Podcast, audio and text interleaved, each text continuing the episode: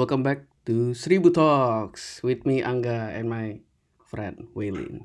Hello everybody. Hello Angga. Hello Angga. Waylin, How how are are you doing? I'm I'm good, I'm good, I'm good. What do you have for us today? Oke, eh, saya ada beberapa topik yang ada yang lucu, ada yang menarik, ada yang bikin wow banget. Nah, Hmm. eh, oh ya, mungkin eh, ini eh, sedikit kayak behind the scenes ya, eh, untuk para audience, for your info. Sebenarnya kemarin tuh kita sudah sempat eh, lakukan rekaman, tapi baru awal-awal internet kita bermasalah gitu. Kita udah kayak kesel, wah oke kita harus reschedule nih. Terus eh, randomly, I was scrolling into my Instagram, terus saya nemu ada satu berita tentang em, di Kanada Hmm. mereka itu uh, sempat internetnya down internetnya satu Kanada satu kota Wah. itu turun semua internetnya Wah. terus saya mikir wah ada apaan nih kemarin kan sempat kalau misalkan para audience ada yang punya website dan hostingnya di Cloudflare Cloudflare pernah sempat drop juga kan Hmm. nah kalau ini di Kanada ternyata turun karena uh, kabel internetnya dimakan sama berang-berang atau beavers ya banyaknya di uh, Kanada, bukan? Iya iya betul di Kanada kan banyak banget ya beaver. Dan pas saya baca newsnya kayak uh, some 900 internet users and 60 TV customers were affected hanya karena ulah si berang-berang ini menggigit kabel. Ah, mereka uh, mereka mestinya uh, adalah ag- agent-agent si Vladimir Putin. Yo, ya bisa jadi. Cyber attack Ya cyber attack. dari agent-agent Vladimir Putin menyerang Kanada. Ya. Don't hack the inter uh, don't hack the apa the connection just bite the cable instead. Ya, ini uh, digelar apa nih? Physical hacking. ya, physical Hacking hacking. physical, bukan digital. Ya, betul sih betul serangan mm, yang tidak dijangkau. iya serangan yang tidak dijangkau tidak Oh, terekspektasi juga kayak wah Ya, ya. serangannya dari Sehingga, mana ini ya, sehingga uh, apa nih uh, perusahaan asuransi pun pun belum terjangkaunya. Ya, belum ada asuransi untuk kejadian se segini. Mm, betul mungkin kalau saya di Kanada gitu ya jadi bagian militer gitu saya udah mikir wah ada serangan EMP nih sepertinya listrik mati ternyata enggak ada berang-berang ngegigitin kabel Ya, ya, ya, ya. Apabila drone drone sampai ke you know bagian kabel yang terputus, Mm-mm. yang you know uh, agar uh, lakukan penyiasatan ya, Mm-mm. investigation ya kelihatan oh ada berangnya yang yang uh, pandang terus ke arah drone-nya. iya It's the beaver. It's the beaver. Ya itu itu lucu banget sih, itu lucu banget sih. Tapi eh, sepertinya kita koneksi internet kemarin memang lagi buruk aja ya cuaca gitu. Iya, Ah, benar. untungnya Hari ini tidak. uh, Mm-mm. lumayan baik ya dibandingnya. Mm-mm, betul betul banget hari ini Uh, cuaca lumayan baik eh, di Indonesia di Singapura. Eh sekarang masih di uh, Singapura kan ya? ya, Ah, Oke, ya masih bagus ya. It's a great day to start uh, our recording podcast session. yes, Yes, yes. Oh, speaking of beaver and recording, yes. uh, apa ada uh, enggak? Apa kamu ada pakai si app TikTok dan TikTok. ya? Ya, saya Apa pakai ada? TikTok. Saya pakai TikTok. Apa kamu uh, ikut, you know, um, hewan lucu gitu, Oh, cute sure. animal? Yes, yes. I follow Oh, them a lot. so did this uh, apa ini berang berang Kanada muncul di di TikTok? This uh, yang yang ada di uh, si BBC ini? Nah, sayangnya enggak sih. Saya muncul Enggak. kalau enggak anjing kucing gitu. Atau enggak kuda. Oh ya Hmm. ya ya. Okay, they rule the internet ya. Ya, they rule the Anjing. internet. Oh ya, speaking of TikTok. Ah, eh, saya kita move on the next topic ya. oh ya. Oke. Eh, saya di sini ada nemuin sebuah apa info menarik tentang eh, perseteruan record labels Ah, dengan TikTok. Oh. Ini saya dapat infonya dari uh, sebuah newsletter uh, Iya. Ted Gi Ted Gioia. Nah, Ah. dia ini adalah seorang musician sebenarnya dan juga suka nulis newsletter. Ah. Uh, dia cerita di sini Iya. uh, bahwa uh, setiap bulan, setiap hari, setiap tahun, uh, Hmm. saat ini tuh music labels lagi kecanduan banget sama TikTok. Ah. Kayak nempel banget nih sama TikTok. Uh, sampai uh, apa namanya? beberapa artis-artis di music label tersebut, mereka tuh nggak boleh ngerilis musik berikutnya sampai musik sebelumnya itu bisa viral di TikTok. Hah. Hah, aneh kan ya? Saya Ya. eh, memang sih kalau misalkan saya saat ini ya, eh, era sekarang, saya tahu lagu viral gitu. Oh, ada lagu ini itu biasanya karena di TikTok, entah dibikin jadi background music untuk orang joget-joget gitu. Tapi kurang lebih semua dari sana gitu. Nah, Oh. heeh. Nah, ini ada satu eh, kasus eh, penyanyi namanya Halsey. Ini eh, ternyata beritanya cukup heboh di luar sana. Eh, dia itu eh, mengeluh di TikTok karena obsesi label music labelnya itu terhadap TikTok gitu. Dia bilang, eh, gue ini punya lagu nih yang gue suka banget dan udah pengen ngerilis secepatnya. Ah. Tapi label rekaman tuh nggak ngizinin. Ah. Kan kayak Kenapa? eh, kayak aneh gitu kan sebenarnya. Jadi eh kalau menurut eh, perusahaan rekamannya si Haley itu mengatakan bahwa eh, dia nggak bisa ngerilis kecuali eh, dia viral di TikTok dulu. Jadi dia tuh kayak pengen dapetin meraup duit yang banyak dulu di satu lagu and then move on to the next music yang gitu-gitu sih. Nah, Hmm. Apa namanya keluhannya dia itu sebutannya kita public shaming ya sebenarnya public shaming terhadap labelnya itu sebenarnya jadi viral di TikTok. Dan anehnya music labelnya itu kayak ngerasa cukup untuk setuju eh oke lu silahkan keluarin lagu selanjutnya. Jadi gak harus lagu yang viral yang penting lu viral dulu baru rilis uh, lagu gitu. Jadi exposure-nya lebih didapetin gitu kan. Ah. Jadi si para music labels ini mereka tuh berpikir bahwa TikTok ini adalah their savior, penyelamatnya, Ya. iya kan? Artis jadi terkenal di TikTok gitu. Terus music label ya udah tinggal ngongkang-ngongkang kaki aja, duduk ngeliatin duit masuk ke uh, rekeningnya mereka gitu. Tapi Iya. sebenarnya faktanya itu uh, music label itu nggak jauh sama uh, pecandu.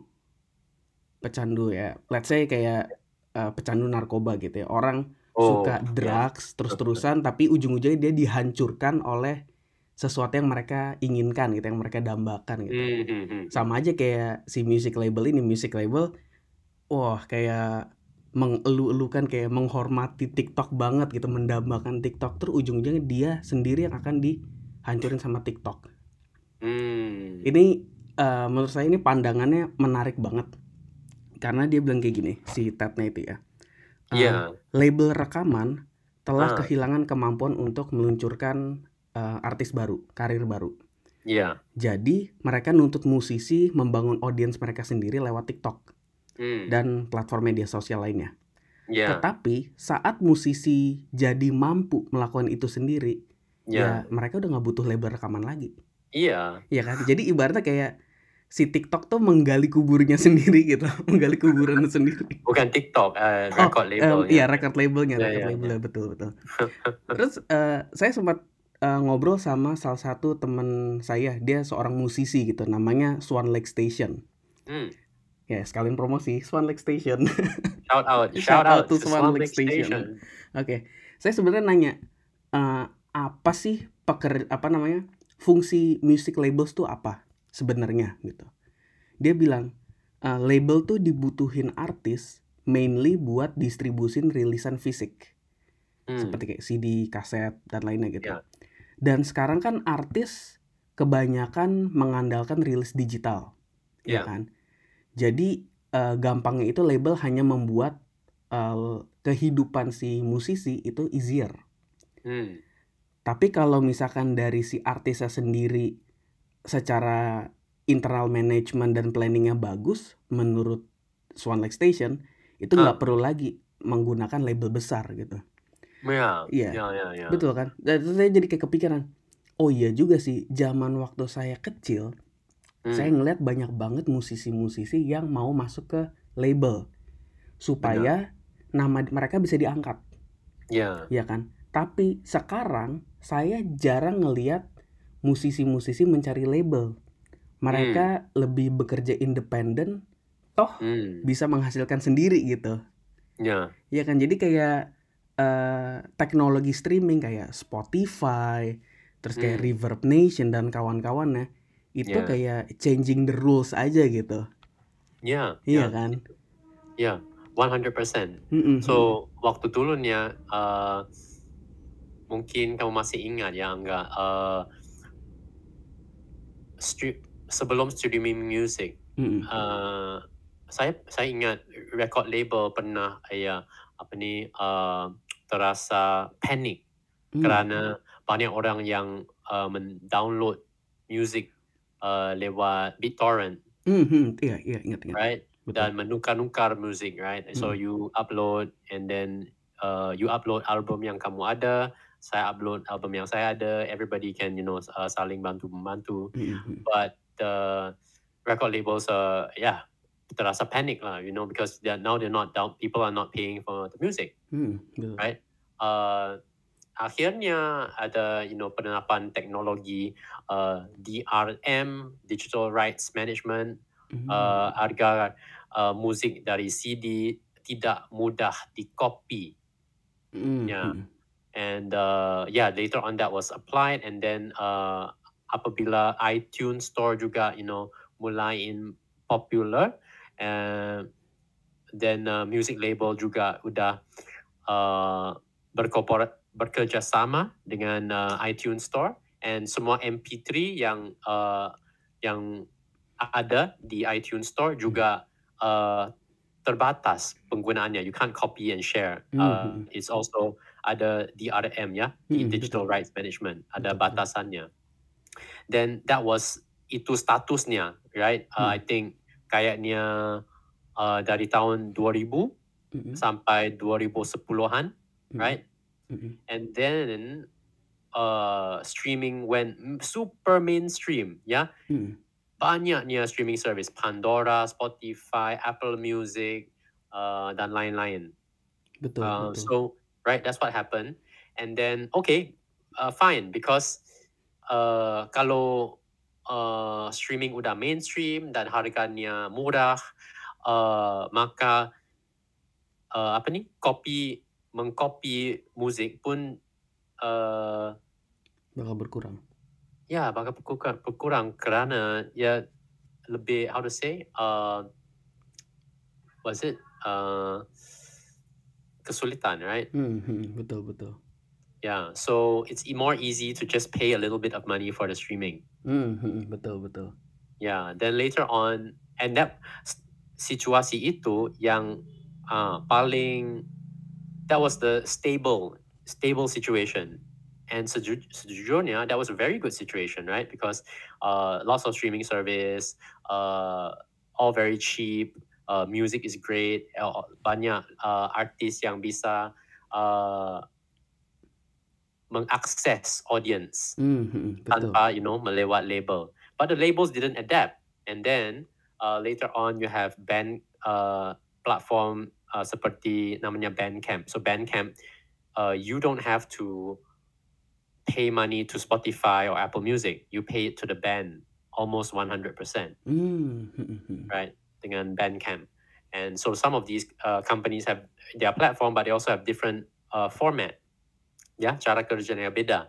Hmm. And until now, where like you said, right? So TikTok udah menjadi platform promosi musik yang terutama di dunia. Betul, Right. betul, betul. So betul it's banget. main promotion uh, platform. And dari awal sampai sekarang, the record labels just cannot adapt. They're just too slow and too old, and they they they are losing all the time. Mhm mhm. So, uh, benar, you know, uh, cakapnya uh, artikel ini from Ted Goya.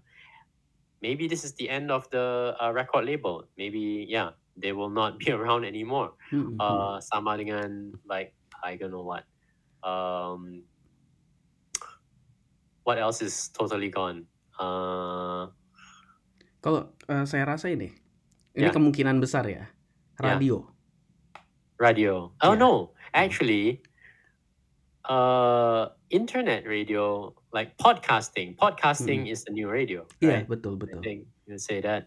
Yeah, and uh, no, the one I think really that is a TV TV station. TV station. Mhm. Iya. Radio. So funny thing is, radio people can listen to radio in a car, and people listen to radio at the, in the gym. Yeah, Mhm mhm. waktu berolahraga. Uh, okay, you go for a run, you can listen. Uh, but TV, man, nobody under tak tidak ada yang you know umurnya uh, di bawah 40 yang menonton television. Mhm mhm. Nobody. I'm very confident. Do you know anybody? Apa kamu ya, karena uh, apa uh, ibu bapa kamu, ya, orang tua kamu menonton television? Nggak, eee, surprisingly ibu saya sekarang nontonnya Netflix setiap hari. Right? Iya, No, that's not surprising. That's that's that's Yeah, that's that's the right. normal thing sekarang, the Yeah, new normal. normal thing. Iya Uh, sih, I think betul. my parents, ya orang tua saya mungkin uh, masih ada ya nonton uh, uh, television, tapi udah berkurang.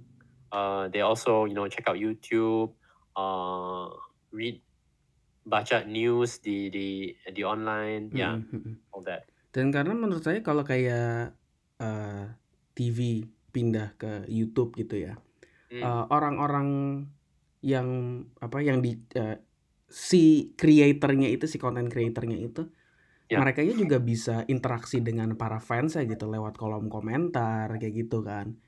Entah Ya, lewat ya, ya. Instagram atau apa. Salah satunya itu yang, eee, paling berubah adalah di Indonesia, dulu ada acara TV, eee, di channel net namanya, eee, Tonight Show. Jadi Tonight Show itu ibaratnya kayak kalau di luar negeri let's say Jimmy Kimmel, Jimmy Fallon, yang kayak gitu-gitu, tapi host-nya berdua. Eee, entah kan mungkin karena rame dan fans-nya banyak dan mungkin mereka nggak bisa raih fans-nya secara langsung gitu ya. Huh. Tiba-tiba dia bikin, eee, segmen baru namanya Tonight Show Premiere yang hanya tayang di YouTube aja. Dan semuanya kayak fully, eee, nggak ada sensor-sensornya. Kalau di TV kan kita nggak boleh ngomong apa, kita nggak boleh apa Oh, gitu, banyak ya, hal-hal kayak gitu kan. Nah, ketika dia masuk ke YouTube, mereka jadi lebih bebas untuk bereks eee, berekspresi Oh. gitu. Iya, iya, iya. Ya, dan sekarang semua orang nontonnya lewat YouTube. Bahkan kalau di TV sekarang di Indonesia, Ya. eee, misalkan ada gosip, gosip apa Hmm. gitu, gosip artis A gitu. Ya. Biasanya kan di bawah ada kan sumbernya dari mana gitu, source Hmm. YouTube. yeah, yeah, yeah. That's true. Uh, benar sekali. I think this uh, a lot of uh, newspaper article ya, artikel di uh, media yang saya baca Mhm mhm. sering uh, apa nih meng, meng they quote they quote uh, social media Mmm, iya banyak yang mengutip gitu-gitu. ya mengutip uh, percakapan dari uh, personality di sosial sosmed. Mhm mhm.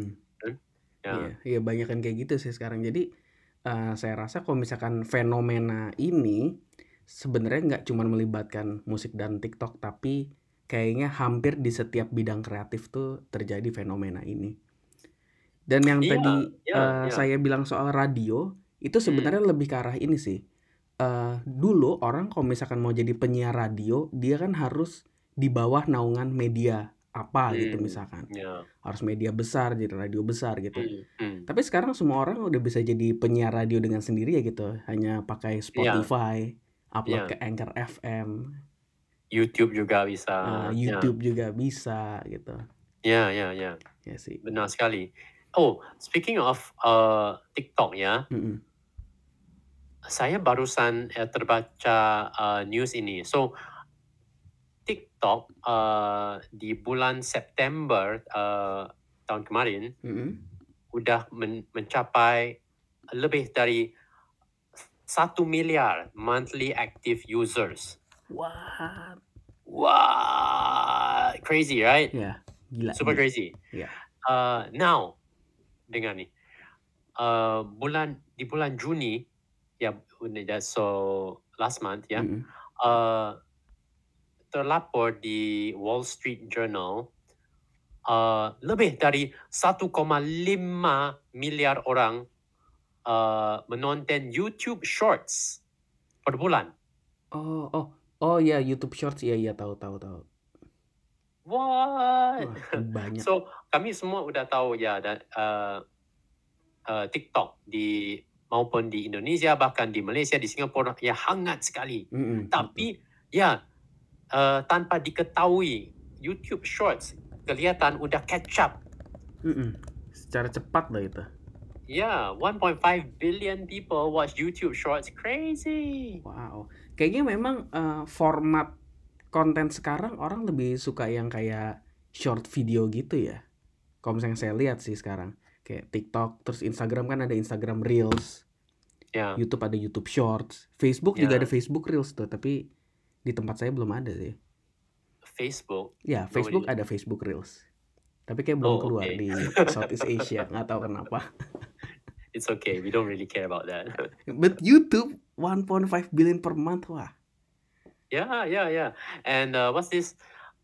I think perubahan ini ya uh, bisa terprediksi, Hmm. terprediksi. Karena ya gini, uh, waktu awal internet, uh, kecepatan ya net download speed udah terbatas, right? It's very bad, Hmm. very very very bad. But setiap generasi, you know, uh, internet speed udah meningkat, ya, melon, naik melonjak. Hmm, hmm. right agar uh, kita bisa uh, melanjut dari okay pada awalnya Facebook feed uh, semuanya teks Hmm, udah maju ke okay image semua hmm, hmm. Right? Betul, dan sekarang udah maju ke video semua betul. right and then so next time I guess maybe it will be the metaverse I guess Ya, bisa jadi Ya. sih. Hmm, hmm, hmm. because dengan uh, kecepatan you know uh, akses ke akses internet I think you know makan makin banyak opsinya you can do Hmm. more different things instead of uh, like oh another one will be streaming Hmm, hmm. streaming video streaming atau you know live streaming tidak mungkin uh, terjadi uh, kalau waktu uh, 90-an Iya, it's just impossible impossible but now it's common yeah Hmm, betul, betul. Yeah. But now it's now it's difficult to predict, right? Because uh waktu dulu, okay, you can say that okay, everything was just text and then in the future everything will be video. That's obvious. Hmm, hmm. Yeah. Tapi dari sini ke depannya apa yang bakal uh, terjadi, okay, I don't think we can predict that. It's not so easy. Hmm. Ya, sekarang kalau masih dipikir-pikir saya lagi mikir apa ya? Predict the future selain metaverse apa? no idea. No No idea. idea. Yeah. Mungkin But- di dalam metaverse nanti ada sesuatu lagi.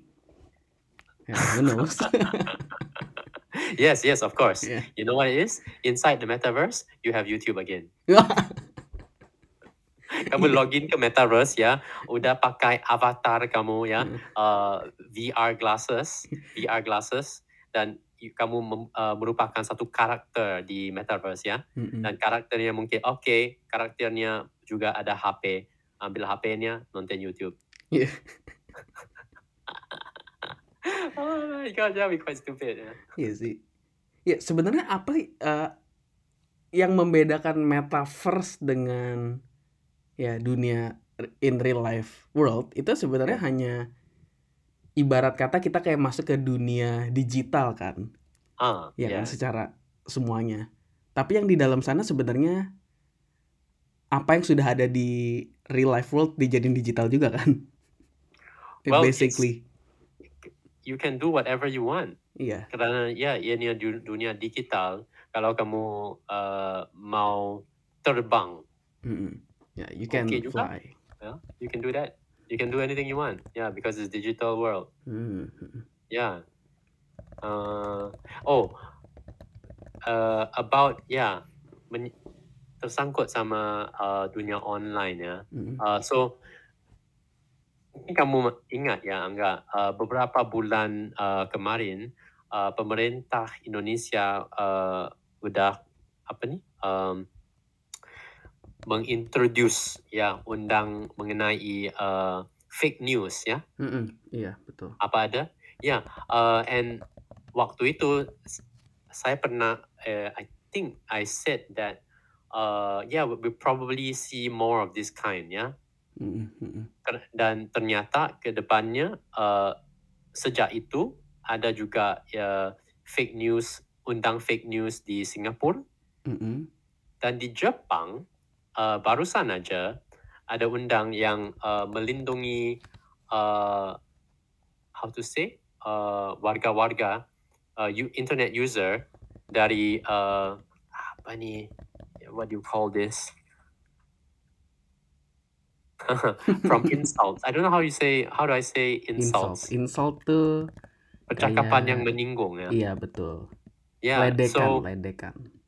sorry Uh, meledek, menghina, Meledek. menghina, menghina. ah okay so in Japan, soon it will be uh, illegal to uh, meledek ya. Hmm, hmm, hmm. Yeah. Um, it's let's say here dari CNN. Uh, kalau undang ini di di diloloskan, uh, ya meledek bisa dihukum sama uh, penjara. You can be sent to jail atau di uh, didenda 300 ribu yen. Wah, 300 ribu yen tuh berarti Berapa ya? Rupiah 33 juta. 30 juta. 33 juta. Oh, wow. Itu berarti insult ke ke siapa pun kan sebenarnya. Kalau kita melakukan penghinaan ke Iya. siapa pun di ranah digital itu bisa dikasuskan kan untuk ya apa berdasarkan peraturan ini. ya, Hmm. benar. So, uh, mengikut mengikut uh, laporannya, uh, tujuan undang ini adalah uh, agar melindungi, you know, uh, orang orang awam dari uh, cyberbullying. Hmm, iya betul sih. Ya. Kalau ini kalau untuk itu saya sangat setuju sih. Betul. Hmm. So we still have to see ya uh, apa impactnya uh, kepada you know um, freedom of expression ya. Mm-mm, betul. So uh, di sini terlapornya okay the law will be re-examined ya diteliti uh, kembali tiga tahun kemudiannya so Hmm, that we can see the effect. Iya, betul betul. Ini sebenarnya tuh uh, pas banget ya. uh, bulan lalu Hmm. di Indonesia itu juga ada peratur peraturan tentang uh, sama tentang hinaan tentang insult. Tapi sayangnya bukan Hmm. untuk sesama, bukan untuk kayak sesama. Misalnya saya ngehina Welin ya saya didenda gitu. Kalau ini lebih ke arah pemerintahan. Jadi kalau kita menghina DPR, jaksa, polisi hingga wali kota itu kita bisa dipenjara 18 bulan. Oke, itu sebenarnya Wow. normal kan eh, kalau kita itu kan menghina pemerintahan gitu. Masalahnya eh, ketika peraturan ini muncul, banyak orang yang bilang begini, eh, pemerintah kita itu tidak bisa membedakan yang namanya hinaan dan kritikan. Oh yeah yeah yeah Iya. that's true. Jadi ketika kita let's say kita mengkritik eh, DPR gitu misalkan pekerjaannya mereka gitu. Atau kita Ya. mengkritik oh kok si presiden eh, Bapak ini dia malah Hmm. melakukan ini sih seharusnya kan dia bisa melakukan ini supaya kita bla bla bla bla bla. Itu kan kritik kan sebenarnya. Ya ya ya. Kayak gitu bisa jadi kalau mereka nerima itu bukan sebagai kritikan, sebagai Hmm. hinaan kita di penjara 18 bulan. Ya benar. So uh, how to say malangnya um, so unfortunately uh, this is quite normal. This is quite normal. So, um, di sini saya saya mau ya uh, bagi komentar yang tidak spesifik Mm, pada Indonesia, Oke. uh, malah you know uh, benar untuk semua negara. That is normally when a law is you know introduced, uh, agak normal ya undangnya Mm, melindungi pemerintah pihak pemerintah. Mm, mm, is quite normal. Mm, and yeah it's not tidak uh, tidak sempurna lah. The mm, situa the situation is not uh, tidak ideal. Mm, mm, uh, what you want is uh, something like uh, undangnya di di Jepang yang mm, melindungi orang awam mm, mm, betul, right? Because betul. that's what the law the the law the government should do should Mm, protect the normal people betul, but betul.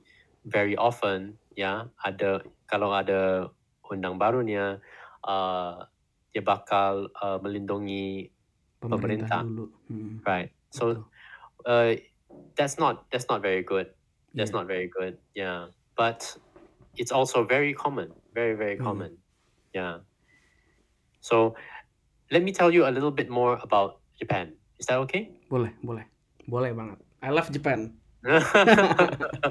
Kawaii so girl.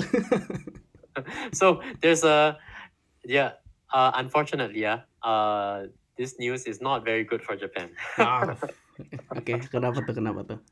sayangnya ya so uh, news ini muncul di BBC so ada satunya uh, uh, karyawan di uh, what's this karyawan di pemerintah uh, kota Amagasaki uh, di di ke arah utara barat uh, kota Osaka Mm-mm. so kota yang lebih kecil ya uh, Nagasaki so uh, orang ini dia karyawan di pem, di pemerintah kota Mm-mm. and dia udah mendownload uh, informasi semua uh, orang di kota tersebut ke USB drive-nya agar Oh. bisa you know Mhm. uh, bekerja di uh, rumah Oke, oke. unfortunately ya dia udah uh, kehilangan the USB stick-nya Oh no. ya dia lepas kerja pas kerja dia dia uh, mengikut teman-temannya untuk uh, minum party and then yeah he lost that he lost the bag he no. lost his bag he lost the USB yeah.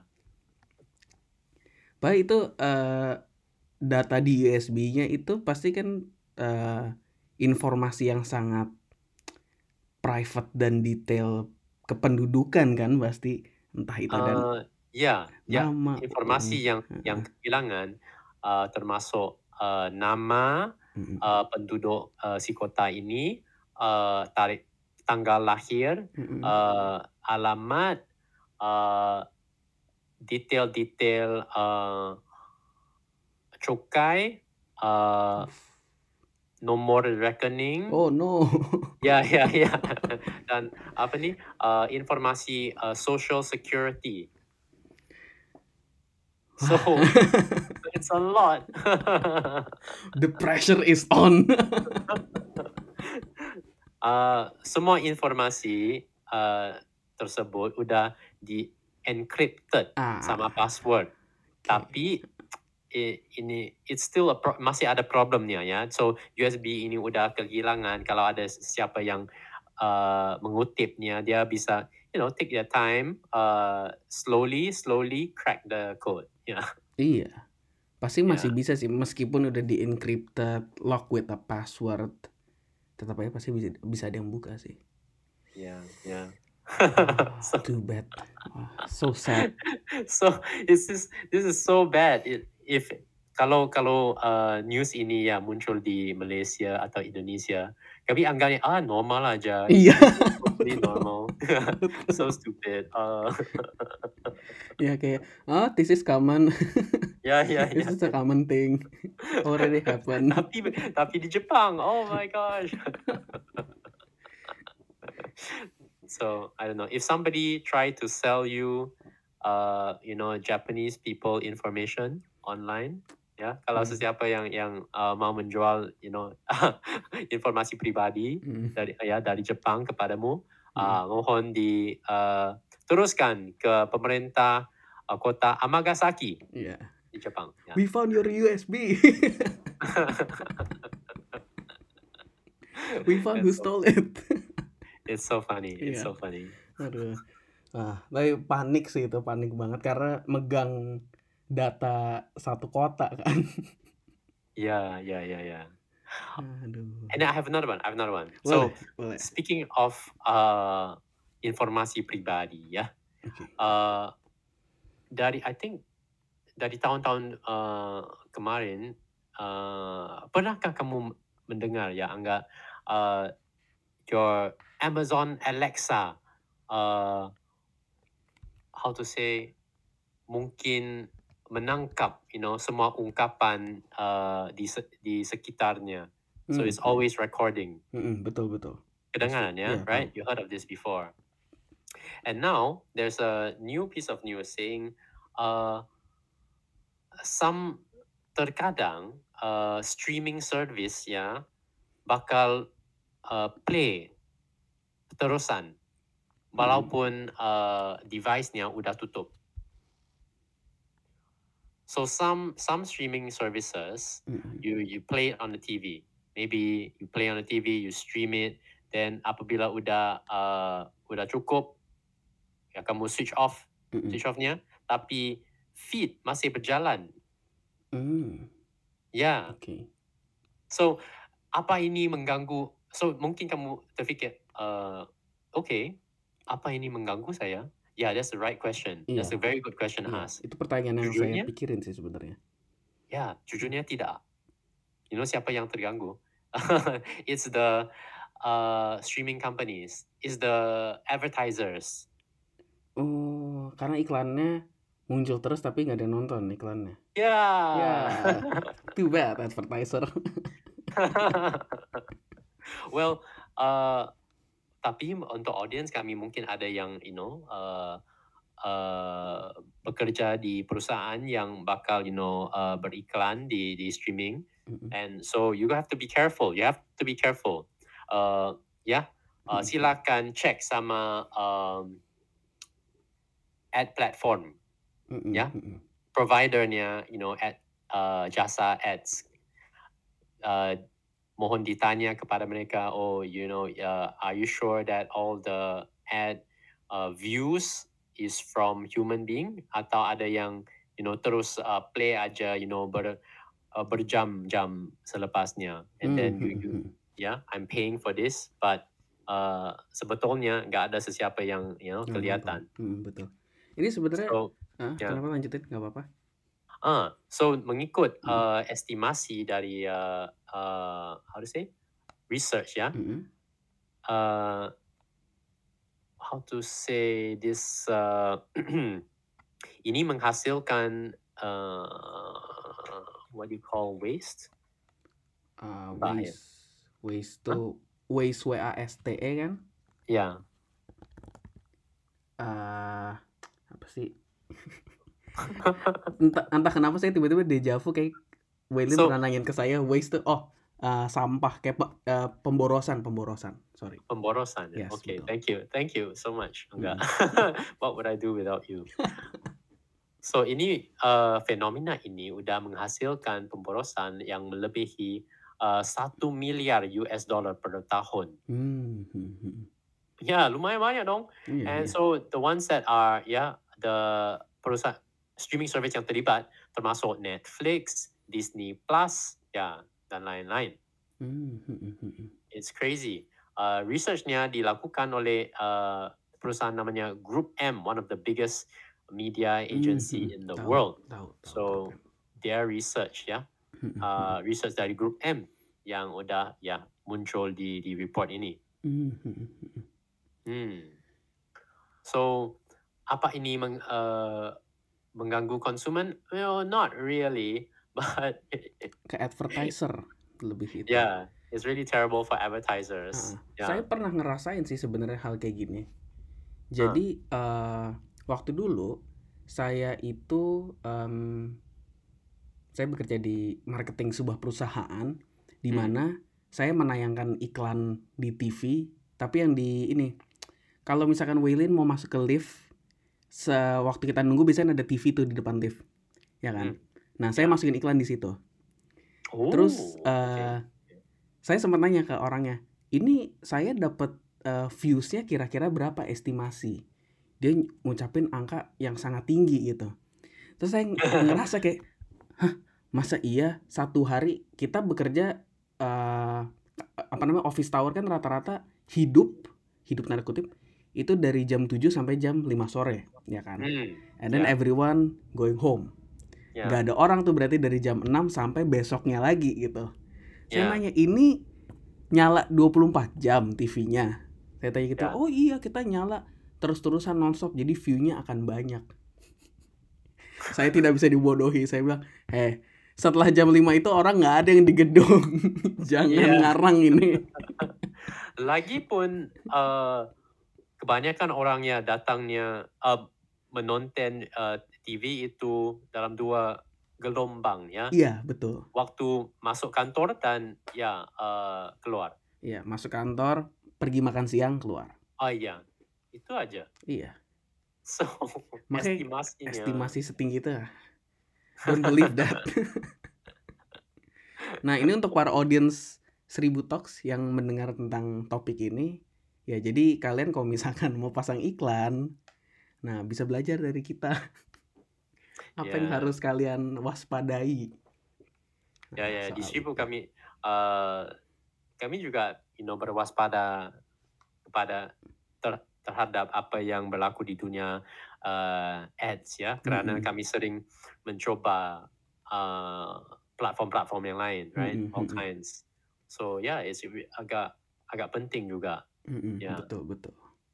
I agree Um, 100%. and now no no, another thing about this, uh, speaking of sorry, about the, uh, Amazon Alexa dari tadi ya. Mhm. So, eee, selepas, you know, di eh, how to say, it was revealed, eee it was, uh, di diungkapkan ya, Mhm, terungkap terungkap. terungkap, eee, bahwa Alexa bakal merekod ya, merekam semua ucapan dari, eee, lingkungannya, eee, Amazon udah, eee, membagi this update, software update agar, eee, Amazon dia bakal dia akan menghapuskan rek rekaman setiap 30 detik. Mmm, That that was the update. Uh, but now, uh, Amazon ada ren rencana baru. So, Amazon mau, eee, mengupdate Alexa agar bisa, eee, how to say, um, niru suara setiap you know, orang-orang. So, your Amazon Alexa can sound like you, can Mhm. sound like your wife, Mhm. your husband, siapa-siapa pun. Bad news. It's a nightmare. Bad news. And this is very new. All of this ya, uh, see everybody ya, dear audience, semua news yang kami, uh, share di sini, ya baru-baru aja bela ya dilaporkan. So, it's all up to date, Mhm mhm. fresh news. So, Amazon will make Alexa sound like sound like you, sound like your your parents, your father, your mother, everybody. Um, mengikut, eee, laporan ya, da dari Reuters, Reuters.com, Amazon, eee, decline to to say kapan fiturnya akan diluncurkan. Mmm, oke. So, we don't know. Ya. Um, but, eee, mungkin so some people say ya, ada yang, eee, ngomong, "Oh, mungkin, eee, fitur ini, eee, bisa membantu misalnya, eee, anak-anak muda yang bisa meminta, 'Oh, Alexa, eee, can grandma finish reading me the story?' Ya. Mhm. So, Alexa bakal meniru suara, Neneknya. grandma-nya Mhm. dan, membaca, eee uh, what is ceritanya, Mhm mhm mhm. right?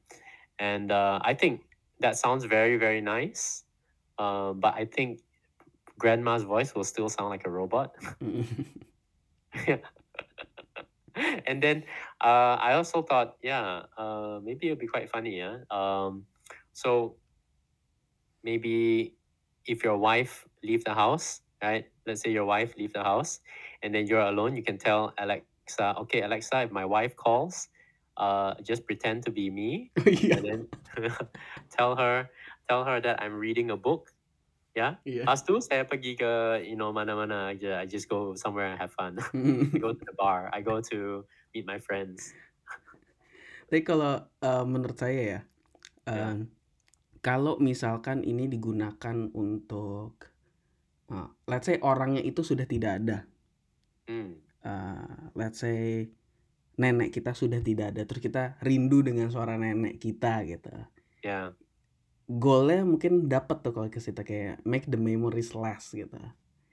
Atau karena kita, eee, lost someone we love gitu, tapi kita bisa mendengarkan suaranya dia kembali meskipun masih suara robot.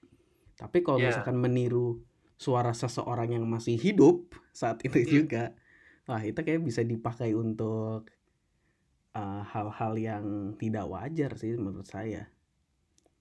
Ya jadi Hmm. apa, jad yang yang tadi kayak Welin contohin aja yang itu. Membohongi istri sendiri, that's not good that's not good for your wife. For your relationship, it's not good. Yeah, but it'll be quite funny. Iya. Yeah.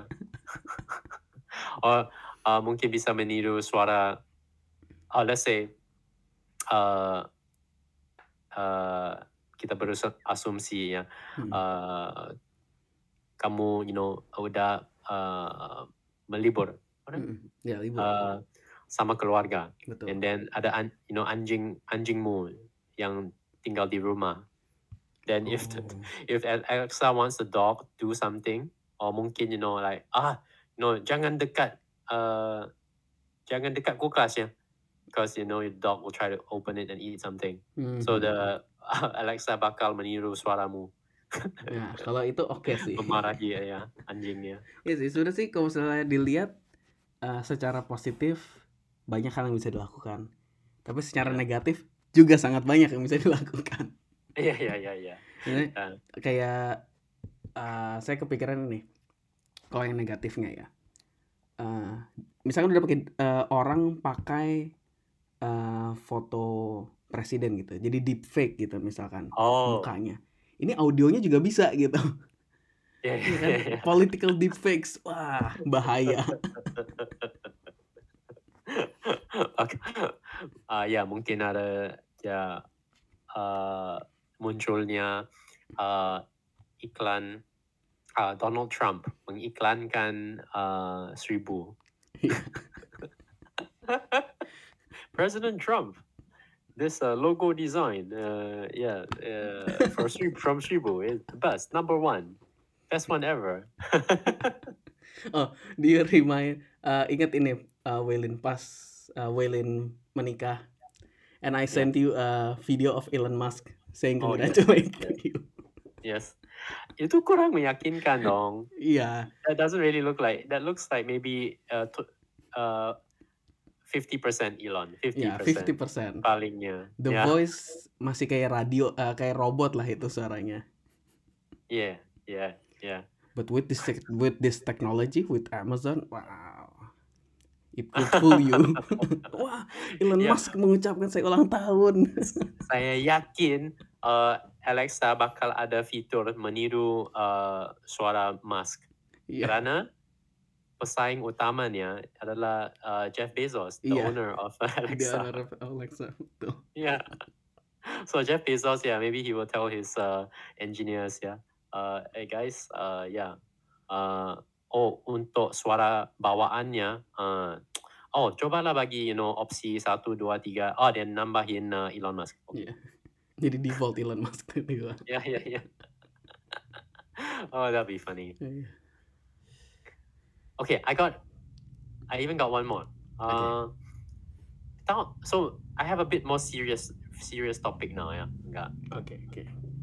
So, uh, kita semua uh, terasa ya uh, waktu ini ekonomi uh, ekonomi di seluruh dunia uh, ditimpa inflasi ya. Hmm, betul.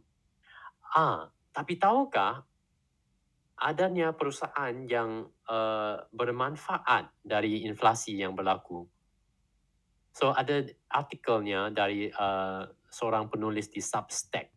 Um, dia seorang uh, how to say independent uh, analyst ya. Mm-hmm. Dia menulis uh, some of this uh, Fortune 500 CEO ya, CEO dari perusahaan yang ter, terbesar di dunia.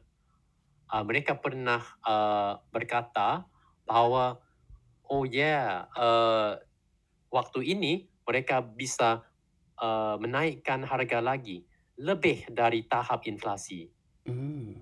How? Yeah, and some of them adanya C- CEO yang udah uh, how to say they are uh, bagaikan menyombongkan uh, isunya. Mm-hmm. Yeah, yeah, yeah. So, uh, it's pretty, it's pretty serious. It's pretty amazing. Yeah. The ada so somebody this uh, penulis artikelnya mengikut analisis analisisnya sendiri sebanyak 60% dari uh, kenaikan harga merupakan uh, profit perusahaan uh, yang yang terlibat. Mm. So some of the price increase, yeah, in a big way, and maybe 60% of the increase is profits. Crazy, Mm-hmm. yeah. very big. And it's bukan you know uh, perusahaan kecil yang yang uh, mela- melakukan segini. It's uh, some of these huge, huge, huge uh, companies. Let's see, what do I have in this? Uh, ada PDF-nya. Oh, Okay. sampai ada PDF-nya. Oke, oke. Ya, Hershey's, Hershey's uh, perusahaan Hershey's yang mem, uh, membikin coklat, Iya, you know. Hershey's coklat tahu. So Hershey's, Kellogg's yang membuat uh, Cereal. cornflakes, Mm-mm. McDonald's also, Yang buat ya burger. Walmart, Iya. uh, lagi apa nih? Uh, the, the, the, the, the, best Colgate, Oh, Colgate Tahu kan? Tahu, ya tahu, tahu. Colgate, um, Nestle, Nike, ya. So banyaknya. Mhm, I'll, I'll share I'll share the PDF and later you know uh, untuk audience kamu bisa check show notesnya uh, agar membaca PDF tersebut. Ya. So the Mhm. analysis shows that some maybe sebanyak 60% dari uh, kenaik tahap you know kenaikan harga ini Mm. di ya ditangkap sebagai profit. Mhm. Yeah. So uh, inflation is not just you know uh, adanya perusahaan yang yang uh, udah beruntung dari Dari inflasi yang inflasi, berlaku. betul. Yeah. So that's the that's the serious thing I want to tell you. It's not a good thing, yeah. I think. Hmm. Oke. Actually, Okay. okay, sorry, I was just trying to open my tab. I got uh sedikit lagi uh, lanjutan dari topik itu, ya. Iya, boleh dilengkapi, boleh. So uh, adanya apa apa benar Seribu merupakan satu uh, perusahaan dari uh, fenomena the gig economy. The gig economy. gig ya artinya uh, gig economy artinya uh, ekonomi di mana uh, orang-orang bisa bekerja tapi bukan dengan uh, secara freelance misalnya uh, pemandu is it pemandu pemandu Mhm. is it driver in bahasa Ah. Indonesia Supir. supir Ya. so supir uh, Gojek Oke. or you know Grab Grab Oke. Grab so they have mereka bukan how to say bukan karyawan Grab kan Bukan, bukan. right so that uh, mereka agak misal it's like mirip freelance, right? Mhm, mhm. Mirip-mirip. So the yeah. So for the Grab, for the dan di Seribu pula, you know, uh, semua ker, uh, orang yang kerja di, I mean, on the platform di platform Seribu adalah freelancer, right? Betul, betul sekali. Ya, dan orang yang mengantar uh, makanan uh, untuk, you know, uh, GoFood Itu juga freelancer. juga, right? So Hmm. all of this uh, dianggap gig economy, Mhm. right? So you call this a gig? This is my gig. Mhm, mhm. Yeah, and uh, ada report di uh, Financial Times, Financial Times dari London, London, uh, yang menyatakan, oh ya, uh, model ini, uh, model bisnis ini makin susah, ya, ada kesulitannya. So the biggest gig economy companies, misalnya Uber dan u- pesaingnya namanya Lyft Ya, di Lyft. uh, Amerika Serikat, Mhm, and Deliveroo dari UK, mhm. uh, harga saham mereka uh, udah menurun. Hmm, Ya, uh, let's see, sebanyak ya la- lebih dari 50%. Wah, gede juga Ya, ya, ya jatuh Mhm, banyak. mhm. And uh, mengikut artikelnya, the the penjelasannya is because these companies mereka udah mengejar growth, growth, growth, ya, Mhm, tanpa pikirkan Profit. uh, keuntungan. Iya. Jadi waktu you know ekonomi merosot, ah malah mereka ya uh, rugi lah, right? And so their share price is dropping, and they, they even waktu ini, this one they never had much profit to begin with because ya dunia ini amat kompetitif ya. Mhm. So if you want to uh, if you want to win, you cannot really make money. You have to keep fighting, fighting, give the good price. Mhm, mhm. Ya, I think kayaknya sama untuk uh, Gojek dan Grab. Iya, di sini juga Gojek, Grab, itu semuanya sama sih, begitu. Yeah, so it's a very tough time for that now, uh, for them as well, uh, in the you know with the bad economy. Mhm, mhm, mhm. So as you can ada perbandingannya ya dari tadi ada uh, perusahaan misalnya uh, McDonald's, you know, these companies that sell products that everybody buy, they can mereka bisa menaikkan harga dan meraih keuntungan yang lebih banyak.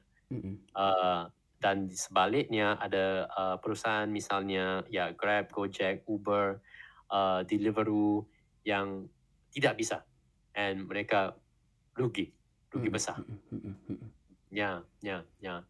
Uh, so this is a actually it, it's still for for us as consumer. Uh, yeah, it's no good if the prices increase for the you know things like the Nestle, Nike, McDonald's. Mhm. Um, but also the uh, for Go, Grab, Grab and Gojek, walaupun as long as as long as they don't die, as long as those companies don't die, uh, kami masih beruntung. We, we will benefit because Mhm, uh, they will always give us, you know, a service that is cheaper. mhm, mhm. Betul sih, betul. Ya, uh, situasi yang uh, how to say the worst the worst situation, the worst situation. How do I say the worst situation? Eh, situasi terburuk. Oh, okay, thank you. so, situasi terburuknya uh, di antara semua, you know, uh, perusahaan gig, ya, Mhm. like uh, Gojek and Grab. Kalau cuma tinggal satu satu opsi aja, that's uh, situasi yang terburuk. Karena apabila ada satu opsi aja, uh, perusahaan itu bakal uh, bisa menetapkan harga yang eh, tinggi. Iya. Terus kita jadi nggak ada opsi untuk pilih yang lain gitu. Exactly. Ya, Mhm, ya benar. Jadi uh, apa pun yang berlaku, ki- kita harus, you know, uh, mendukung, support Mhm. dua-duanya, uh, at least, you know, until they can survive. Iya, setuju, setuju soal itu. Yeah, yeah, yeah. That is the better better result for for us Mhm. users. Iya, sebagai users begitu. Karena sekarang di Gojek sama Grab ya, uh, sekarang kayak sebagian orang tuh kayak mulai agak meninggalkan Gojek dan lebih memilih Grab. Karena di Gojek sekarang tuh udah mulai ada uh, fee-fee tambahan gitu. Jadi Hmm. misalnya kalau dulu kita beli GoFood gitu ya, kan Hmm. cuman bayarnya hanya ongkos kirim dan Ya. uh, harga makanan, ya kan? Ya. Sekarang ada lagi platform fee, ada apa fee, ada apa fee. Oh, man. Okay, that Nah, sucks. ketika kayak gitu kita jadi untungnya masih ada opsi ke Grab. Hmm. Kalau kita Ya. nggak ada opsi, wah pusing Ya. tuh. The, uh, tahukah kamu, you know, setiap negara ada uh, otoritas uh, how to say persaingan. There's always some kind of uh, authority for Mhm. competition.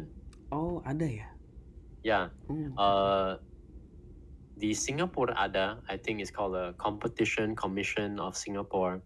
Uh, di Malaysia saya udah ter- terlupa namanya. But so uh, otoritas segini uh, tugasnya uh, adalah dia harus memastikan uh, pesaing uh, perusahaan pesaing di di satu bidang Mhm. tidak uh, berko bekerja sama. Hmm, hmm, hmm. So you cannot cooperate. The, if Grab and Gojek, kalau Grab and Gojek ya uh, bersepakat, oke kami uh, akan menetapkan harga yang tinggi untuk uh, service ya, uh, Mhm, untuk mhm. jasanya, uh, itu mungkin melanggar undang-undang competition. Hmm, hmm, hmm. Ya, Jadi kayak mereka jadi kayak bisa memonopoli gitu kan jatuhnya. ya, ya. Ya. Uh, namanya oligopoli. Ya, oligopoli. Ya, oli, oli artinya uh, banyak. Ya. Hmm, hmm, hmm. Mono itu satu, Satu. aja. Yeah. So there are there are rules uh, to prevent this uh, oligopoly. Hmm, hmm. Namun uh, terkadang uh, keli- kelihatan juga ada situasi oligopoli yang mengembang, yang terdiri how to say mungkin independent. Hmm, hmm. So misalnya kalau uh, kalau Grab dan Gojek uh, ada satu perusahaan, misalnya Grab yang menaikkan harga uh, sepuluh ribu untuk you know uh, uh, setiap setiap kilometer perjalanannya. Hmm, dia hmm, naik naikkan harga uh, sepuluh ribu. Dan uh, orang orang di manager di di Gojek pula ah, kelihatan. Oh mereka udah naik harga. Oke saya ikut ikut dengan harga sama aja. Hmm. so nggak ada perbedaan harga di antara dua-dua perusahaan ini dan setiap kali satu you know satu dari uh, satu dari dua-dua uh, perusahaan naikkan harga sedikit lagi uh, yang lain pula juga ikut sama dia Hmm, hmm, hmm. Ah. itu dengan ini uh, situasi oligopoli juga bisa terjadi meskipun belum ada uh, per- perencananya. Hmm, hmm, hmm, hmm. Ya, ya, ya. Ini per- pernah jadi. Ya. Waktu di kuliah saya pernah belajarnya di uh, kelas ekonomi. Saya saya udah lupa pas saya ekonomi juga. Ya, that's fine. Ya, that's Oh. fine. Sorry, I think uh, udah berapa lamanya episode ini? Enggak. Ah, sudah s- berjalan satu jam sekian menit. Oh, Satu oke, jam, I oke. think satu jam 20 menitan. Okay, okay. Uh, should we continue? Or do you have any other? Nah, saya apa ada satu ada- topik lagi. Oh ya, silakan. Dan ini kayaknya Waylin kayak suka banget nih, soalnya berhubungan dengan nuklir. Oh, Wah, ya. Oke. Oke. Ini eh, sebagai informasi, jadi eh, ada eh, this nuclear powered flying cruise ship could stay airborne for years at a time, carrying 5,000 guests. Wow. Wah, saya udah tahu di pikiran Waylin. Wah, nuclear powered bagus, tapi stay airborne for years at a time kayaknya menyeramkan karena nggak ada pilot ya. No, that's awesome. Oh, that's Uh, awesome. Oh, oke oke. yeah. No, uh, Angga, apa Hmm. nih namanya? Uh, tahukah tahukah kamu uh, what is an airship? You know what an airship is? Airship tuh pesawat kan? Airship. Oh, kapal terbang. Uh, okay, I have to I have to share with you uh, Kapal the, udara. Oke. I have to see it. Oke oke. So, uh, pada tahun uh, 1920-an ya, kalau nggak silap, uh, ya awal-awal abad lalu, Mm-mm. 19, uh, 900-an, 1900-an, Mm-mm. um, there was a time when these airships were very popular. Hmm, hmm, hmm, hmm. Ya, size-nya gede, uh, dia bakal, you know, uh, berlayar di udara di atas, uh, misalnya uh, kota New York City, Hmm, hmm, hmm. Oh, tahu tahu gitu. tahu ini. Right? It's uh, very beautiful. And then uh, mungkin kamu boleh, you know, uh, naiknya uh, untuk, I don't think jaraknya kurang uh, tidak begitu jauh lah. Hmm, Ya. hmm, hmm. But yeah, yeah, these were these were a thing, the airships, and uh, I think ada uh, ada cerita saya pernah baca ya novel novel fantasy yang ya uh, membilang oh yeah you know you can have these airships and then, you know they're in the sky and you can take them to everywhere. So ini merupakan satu impian yang tidak terjadi yang udah uh, how to say it's udah udah lost. lama ya. Betul Yeah. betul. Yeah, yeah, yeah. So when you talk about this uh, amazing uh, flying, you know, city, you know, it's a Mm-mm. big plane, right? Iya iya. Pesawat yang gede ya, gede banget. Mm. So it can fly for years on nuclear power, you know, and it's big. It's like a bit like a, a mirip uh, kota kecil. Mm, That's hmm. amazing. Iya betul. Dan saya rasa kayaknya ini akan muncul nggak lama lagi sih. Uh. Jadi, Hmm. eh, jadi ini kalau misalkan saya lihat dari artikelnya ya, Hmm. eh, konsep Sky Cruise ini Hmm. mereka bentuknya kayak pesawat, kayak pesawat pada umumnya, tapi lebih raksasa dan seperti kapal pesiar. Hmm. Eh, ada 5.000 orang bisa ada di situ dan menurut eh, apa namanya eh, orang yang menciptakan ini, if I'm not mistaken, oh nggak dia penggemar sains dan produser video yang berbasis di Berlin, namanya Hashim Al Gaili. Dia bilang bahwa saya percaya pengalaman terbang saat ini tuh udah ketinggalan zaman dan ini akan Mhm. menjadi in- menjadi inovasi baru yang bisa membuat pengalaman penerbangan kita jauh lebih nyaman gitu. Bayangin aja kita selama ini naik pesawat kalau kita duduknya di kelas ekonomi kita udah mikir wah kaki pegel nih apa nggak ada ruang untuk kaki kan apalagi yang kayak Hmm. kemarin double decker airplane Yeah. nah ini sekarang ya besar gitu gede banget ada deck hiburan ada pusat perbelanjaan ada gym kolam renang restoran bioskop sampai tempat untuk nikah gitu dan ini Oh. eh, apa ini menurut dia ini hanya masalah waktu aja sebelum reaktor nuklir itu bisa menjadi kayak cukup kecil dan muat di dalam pesawat sebesar itu. Dan as we know mungkin kalau audience itu suka dengerin seribu talks dari dulu kita sering bahas tentang nuklir Inggris kan adalah salah satu negara teratas yang mengerjakan reaktor nuklir kecil ini.